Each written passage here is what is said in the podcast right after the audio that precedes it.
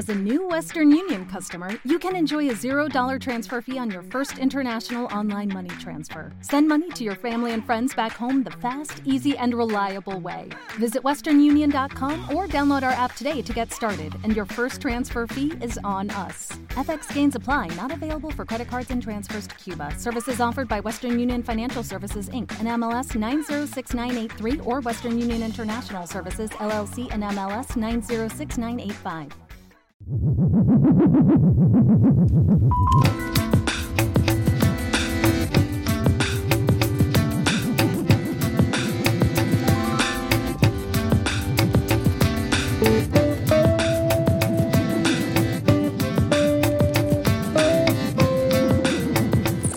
tempo de conversa en efervesciencia, esta tarde imos viaxar a Londres, que é onde se atopa a nosa convidada Ainhoa Castro, Ainhoa Castro, que é investigadora Marie Curie no King's College.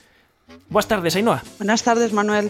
Ainhoa é paleógrafa medieval, é especializada na escritura visigótica galega. E vayamos por partes, Ainhoa. Que é un paleógrafo? Bueno, pues un paleógrafo es eh, un historiador que se encarga de estudiar el tipo de escritura que se usaba sobre todo en la Edad Media, pero también hasta, bueno, más o menos hasta ayer. É, é que é a escritura eh, visigótica? La escritura visigótica es la escritura que se usaba en la península ibérica durante la Edad Media. Y es como, no sé, como la Times New Roman, pero de la Edad Media. Y es, la, es nuestra escritura nacional. Solo se usó en la península ibérica. E non ten que ver cos visigodos, seica. Eh, no mucho, no mucho. No, se llama así porque en la Edad Media les importaba mucho unirse a un pasado como más importante del, del- a nivel político de lo que se estaba viviendo en ese momento en la Edad Media.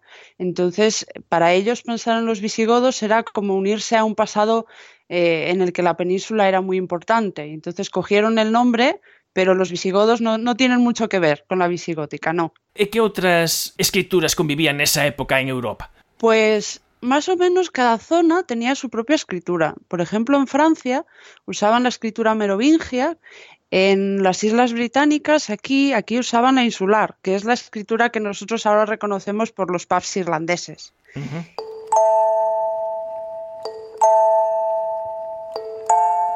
Moi boas, Saboa. Hola, boas tardes, Manuel. Facemos presentacións, temos sí, aquí sí.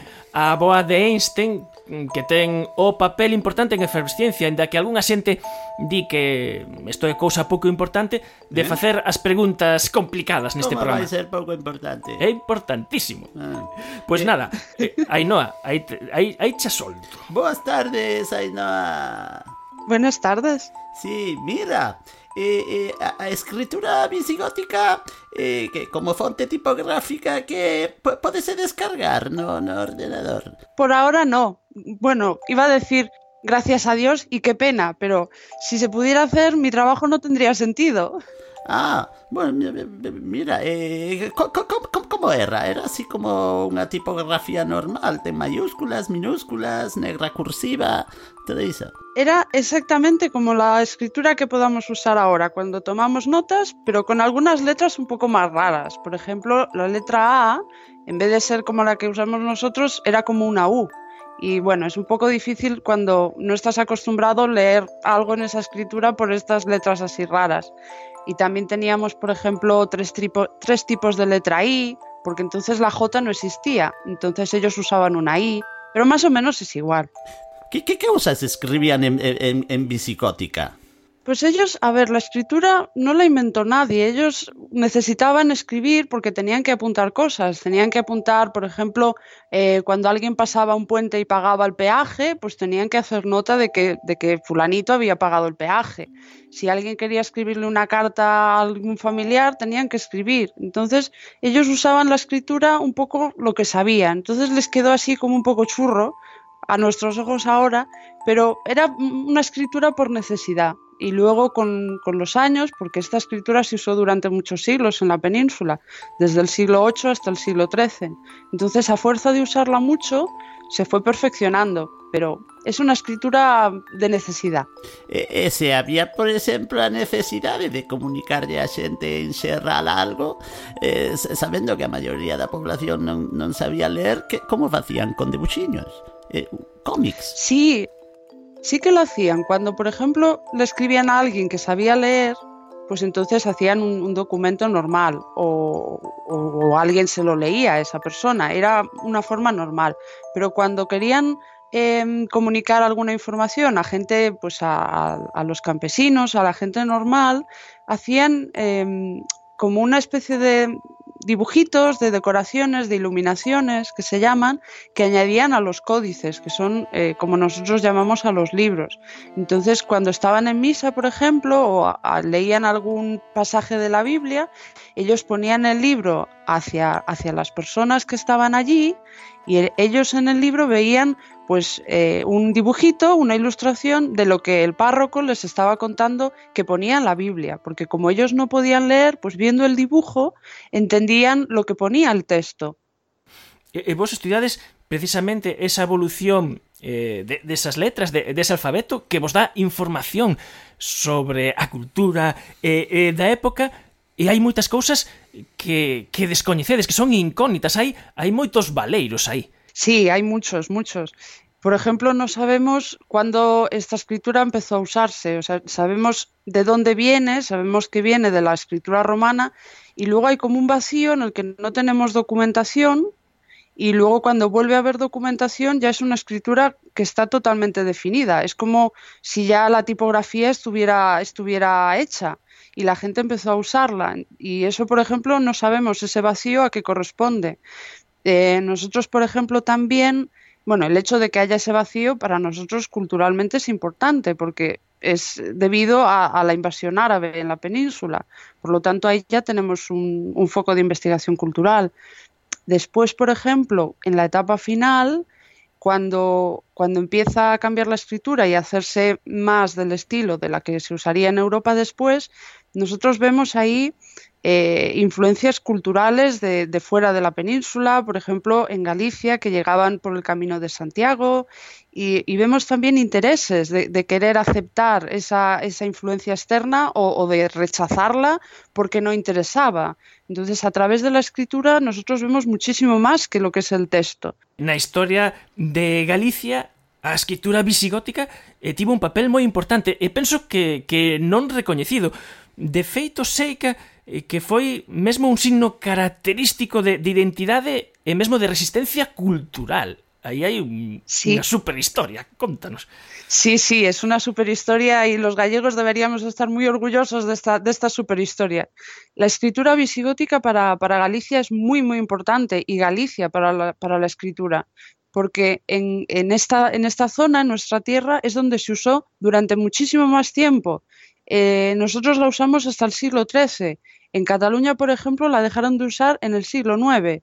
O sea, nosotros era como nuestra escritura propia, nacional, nos, identific nos identificábamos culturalmente con ella y no queríamos perderla. Y cuando, cuando, cuando Shelmírez, cuando, cuando el obispo Shelmírez en Santiago, eh, los franceses o Alfonso VII quería hacerse amigo de los franceses y quería cambiar a la escritura francesa, Shelmírez no estaba convencido y el rey tampoco estaba muy convencido. Entonces ahí vemos un poco la, la tozudez gallega y la, la intención de, de, hacer perdurar algo que nosotros sentíamos como muy nuestro.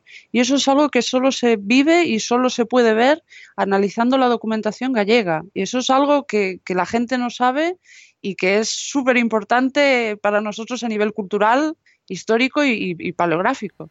So, ¿Te das cuenta?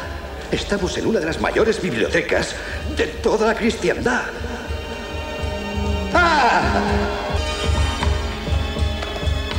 ¿Vamos a encontrar el libro que buscamos? Con tiempo.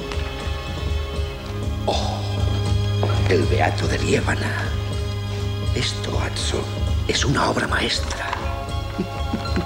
y esta es la versión comentada por Humberto de Boloña. ¿Cuántas salas más? ¿Cuántos libros más? E na túa tese de doutoramento, precisamente, estiveches a traballar en todo isto, supoño que recorriches eh, unha chea de arquivos, pescudando documentos, eh, no que nun principio parecía que podías atopar mm, nada, un número de documentos que se podían contar cos dedos da man, a cousa expandeuse, expandeuse moito.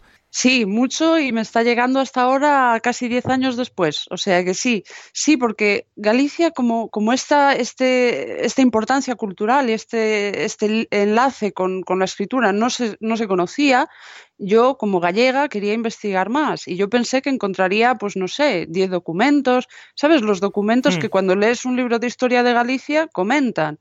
Pero luego me di cuenta, fui a Galicia, empecé a revisar los archivos, estuve en Lugo, en Santiago, en Tui y en Orense, y bueno, por, supuesto en Coruña también, y encontré de, una decena que pensaba encontrar, encontré 300. Y es, eso es lo que yo encontré. He de decir que ya me cansé de buscar porque era una cantidad de documentación que para una tesis doctoral no podía, no podía asumir. Pero aún hoy en día, diez años después, sigo encontrando documentos.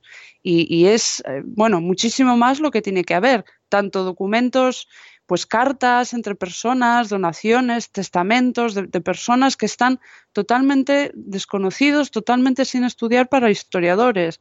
Y luego también libros. Tenemos una riqueza de libros, de, de, de Biblias, de, de, cantorales de esta época que, que es, la gente no sabe que están ahí y están y son importantes. O sea, que ti o que biches foi a punta do, do iceberg e hai moito máis sí. e moitos documentos que ninguén leu eh, na época actual. Sí, eh, y es una pena porque cuando estaba allí había documentos que había notas de, de gente que había ido antes de, antes de mí, que eh, no había leído nadie el documento desde el siglo XVIII. Y eso significa que todos los libros de historia escritos hoy en día faltan, o sea, no, no, no están mirando esa documentación. Y es, es eh, en fin, es sorprendente y a la vez un poco aterrador. Sí, sí.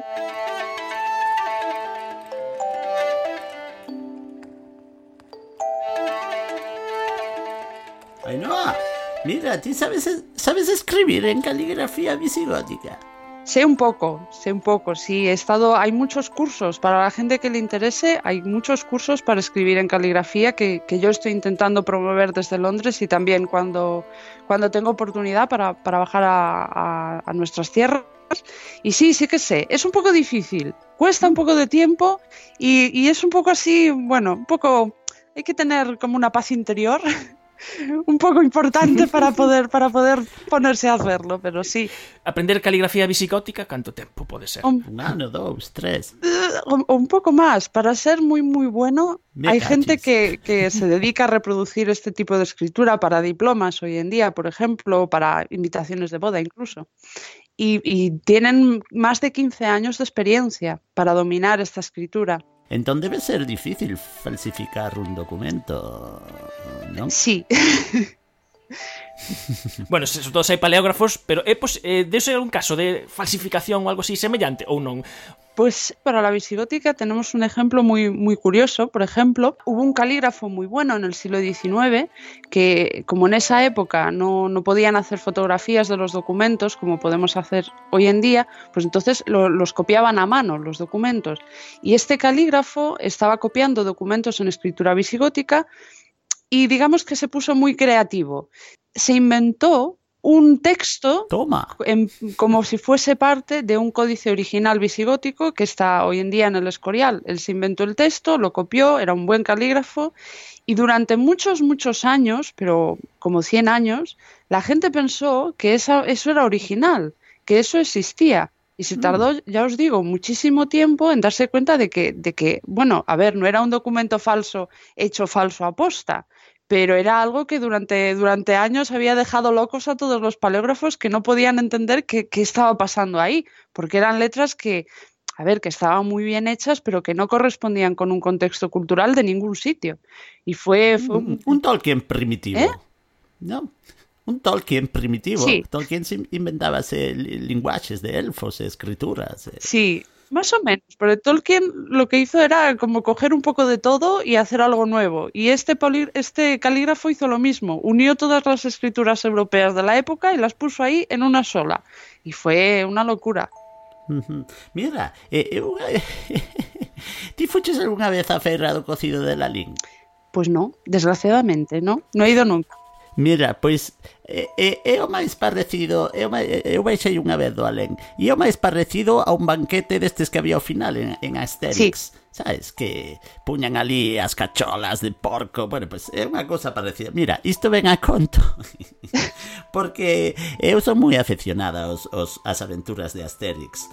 E hai unha, Asterix e os godos, que cando falan os godos, coñeces a historia? Sí, Eh, eh, o cómic, sí, sí. cando falan os godos aparecen os diálogos nunha tipografía diferente que os galos non entenden. Sí, sí. E isto era así, era tan difícil de, de entender. Era moi difícil porque en la Edad Media había muchísimas tribus, muchísimas culturas diferentes y todas ellas tenían su propio lenguaje y su propia escritura, si es que habían llegado a, necesitar eh, desarrollar una escritura. Entonces, el hecho de que en Asteris lo hagan así, que está muy bien hecho, esconde el trasfondo de la unión entre un pueblo, su escritura que es suya, personal, y, y, solo la entienden ellos, desgraciadamente. Pero a medida que pasan los años, los siglos, después de la época de, de Asterix, como todo el mundo más o menos se conocía, pues fueron aprendiendo un poco eh, lo que hablaban los demás o, eh, bueno, no sé, acostumbrándose a ello. Pero, pero sí, sí, mm. era, era, era así, era así. Cada uno, los godos, por ejemplo, cuando vinieron del este, usaban una escritura rarísima que se llama ulfiliana, que muy poca gente conoce, que es como una especie de runas. Y, y, hablaban pues mm. un lenguaje que, claro, los galos eh, en ese momento no entendían y tampoco entenderían en la península ibérica. Sí, sí. Ainhoa, no, no teu eh, eh, trasecto co, como investigadora eh, tes eh, realizado a túa carreira de paleógrafa en Barcelona, en Canadá, en Estados Unidos, en Ohio e tamén agora en Londres. Eh, chama atención que para estudiar unha escritura eh, eh, latina estés eh, en países anglosaxóns. Bueno, me, me he movido un poco por dos razones. La primera es que aquí, o bueno, fuera de, fuera de la península, usan técnicas que, que no, no, son muy comunes en la península. Aquí, por ejemplo, en Londres estoy haciendo paleografía digital, que es eh, intentar incorporar eh, softwares eh, software específico para, para el estudio de la escritura visigótica. Entonces, eh, bueno, me he venido aquí para aprender. Eh, fui a Canadá para aprender también porque allí trabajan de una forma diferente. Y cuando estudias en España, en, en la península, el programa de estudios allí en la carrera, ellos te enseñan, digamos, las funciones básicas de paleografía, que es transcribir un documento, es eh, escribirlo para que en una letra normal o en el ordenador, para que otra gente lo pueda entender. Pero cuando vas fuera te das cuenta de que estudian más el carácter de la escritura y, y ese contexto cultural que está enlazado con ella. Entonces es como una, un campo totalmente diferente, aunque se basa en lo mismo. Y fuera de la península están como más acostumbrados a ver eso. Y aparte de decir que es como una, no sé, una lucha interior de la escritura visigótica es muy poco conocida, sobre todo fuera de la península. Entonces, mmm, el hecho de que yo haya viajado tanto es en parte porque, por orgullo nacional, quiero que conozcan la escritura visigótica gallega en Canadá. Y, y, y, si no voy allí y les explico qué es y les enseño fotos y les explico pues un poco lo que os estoy explicando a vosotros ahora, ellos no tienen opción de saberlo porque allí no se estudia. Entonces ha sido como mi, como mi no sé, idea o intención eh, promover el estudio de esta escritura y, y de nuestra cultura allí. E que se pode conseguir coa paleografía digital? Que o que facedes? Eh, un paleógrafo puede trabajar, con, yo qué sé, con 300, 400 fuentes a la vez. Con estos programas podríamos trabajar con miles de fuentes a la vez y eso nos ayudaría muchísimo. Por ejemplo, en mi caso, eh, somos muy pocos haciendo visigótica y, solo uno haciendo visigótica gallega y tengo muchísima documentación. Necesito algún programa que me ayude a procesarla y a extraer la información histórica que yo necesito. Entonces, en paleografía digital se está intentando hacer algún tipo de programa para poder, para poder servir de ayuda. Eh, aquí, por ejemplo, en el King's College lo que han desarrollado es un software que permite clasificar imágenes y permite eh, hacerlo con tanto detalle que, que, realmente luego puedes preguntar a, al ordenador la información que tú quieres. Porque nosotros somos a ver, somos un poco nerds en este, en este aspecto y nos interesan los píxeles más mínimos de cada una de las letras pero nuestros ojos o nuestra memoria no, no, puede retener toda esa información. Entonces lo que hacemos es meter en el, en el software pues cómo es cada píxel de cada letra y luego en el futuro le preguntamos que nos dé, por ejemplo, todas las letras A que tengan dos píxeles a la derecha con forma curvada.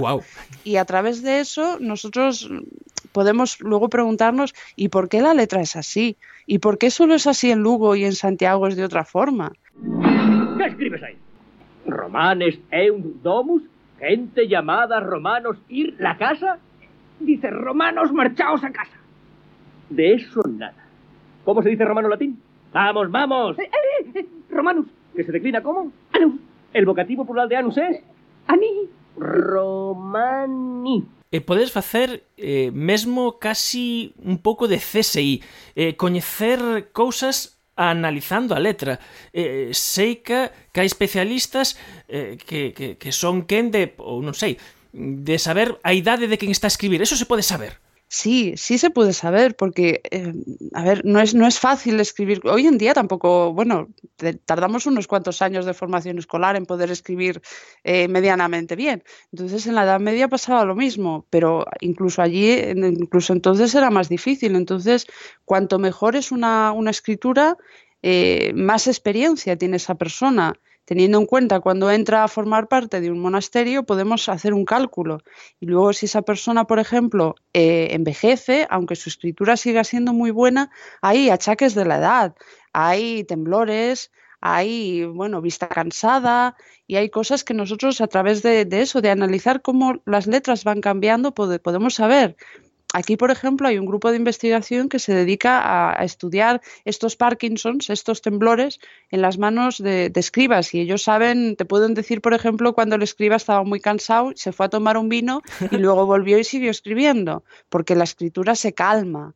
Y sí, son muchos detalles los que podemos saber a través de la escritura. E ata coido que se pode saber que amigos ten ou que libros lee. Pareceme increíble. Por supuesto, porque si, si tú estás en un monasterio y tu escritura es de una forma, eh, está influida por los libros que tú lees, porque esos libros también tienen una escritura específica.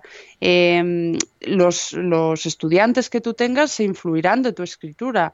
Si tú, por ejemplo, tienes un amigo en otra parte de Europa que te escribe cartas, su escritura también te influenciará a ti a la hora de escribir. Son un montón de detalles que, te permiten eso, establecer contactos culturales de sitios que, que nosotros podemos pensar que estaban muy alejados en la Edad Media, pero que realmente no lo estaban. Contactos entre, entre el norte de, bueno, entre Ferrol, por ejemplo, entre los monasterios de la zona de Ferrol y monasterios en Suiza en el siglo XII, que, que estaban muy enlazados. Entre, entre, Galicia y las islas, eh, bueno, Irlanda o, o, Inglaterra, porque hay puntos de conexión en el tipo de la letra que nos dicen eso, que leían qué les interesaba leer, qué tenían acceso, a qué tenían acceso, eh, qué libros les interesaba copiar y también es muy curioso, qué libros les decía su obispo o su superior que tenían que copiar, qué libros a nivel uh -huh. político interesaba que estuvieran allí presentes.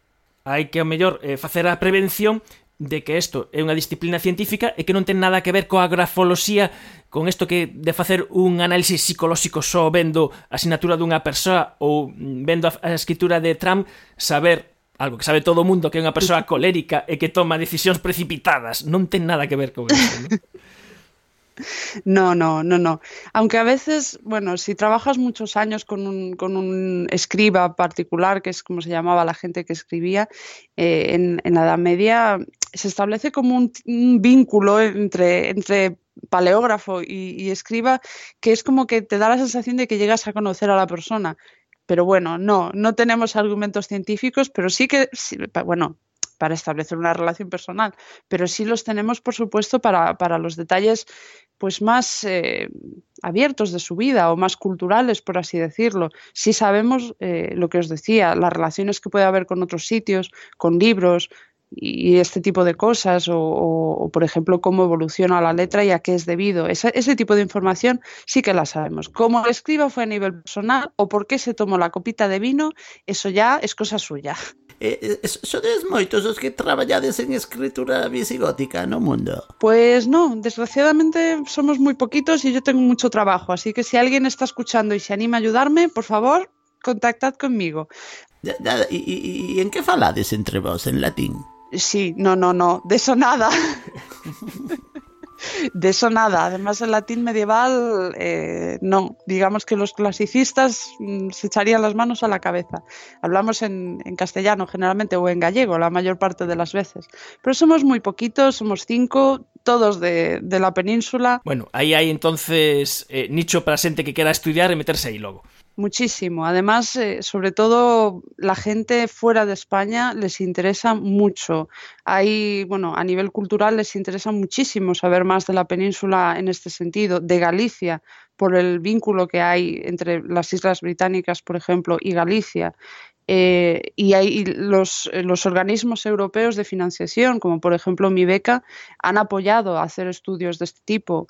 Eh, fuera hay fondos para poder estudiar la escritura visigótica de cualquier zona de la península y también sobre todo de Galicia. Eh, es un blog que se llama Literra Visigótica, que en principio puede parecer un blog sobre camas antiguas, pero non, é, é, é un blog sobre sobre o teu, sobre o asunto que ti estudias. Pero hai unha cousa que a xente cando entra no blog, eu supoño que se preguntará, como me preguntei eu, que significa scripsi ut potui non sicut uolui? Escribo lo que puedo y no lo que quiero. Ah, como todo o mundo. Escribo sí. que podo e non o que quero. Bueno, eh, eu coido que este pode ser unha boa coda. Que agudo. E colofón para este tempo de conversa con Ainhoa Castro, que é paleógrafa, que ten unha bolsa eh, Marie Curie, que está no King College, eh, estudando paleografía. Eh, Ainhoa, moitas grazas por achegarte aos micrófonos de Fervesciencia. Eu coido que tamén habemos de capturarte algunha vez máis. Moitas grazas, Ainhoa. Muchísimas gracias a vosotros por la invitación y es un placer. Un bico. As a new Western Union customer, you can enjoy a $0 transfer fee on your first international online money transfer. Send money to your family and friends back home the fast, easy, and reliable way. Visit westernunion.com or download our app today to get started, and your first transfer fee is on us. FX gains apply, not available for credit cards and transfers to Cuba. Services offered by Western Union Financial Services Inc. and MLS 906983 or Western Union International Services LLC and MLS 906985.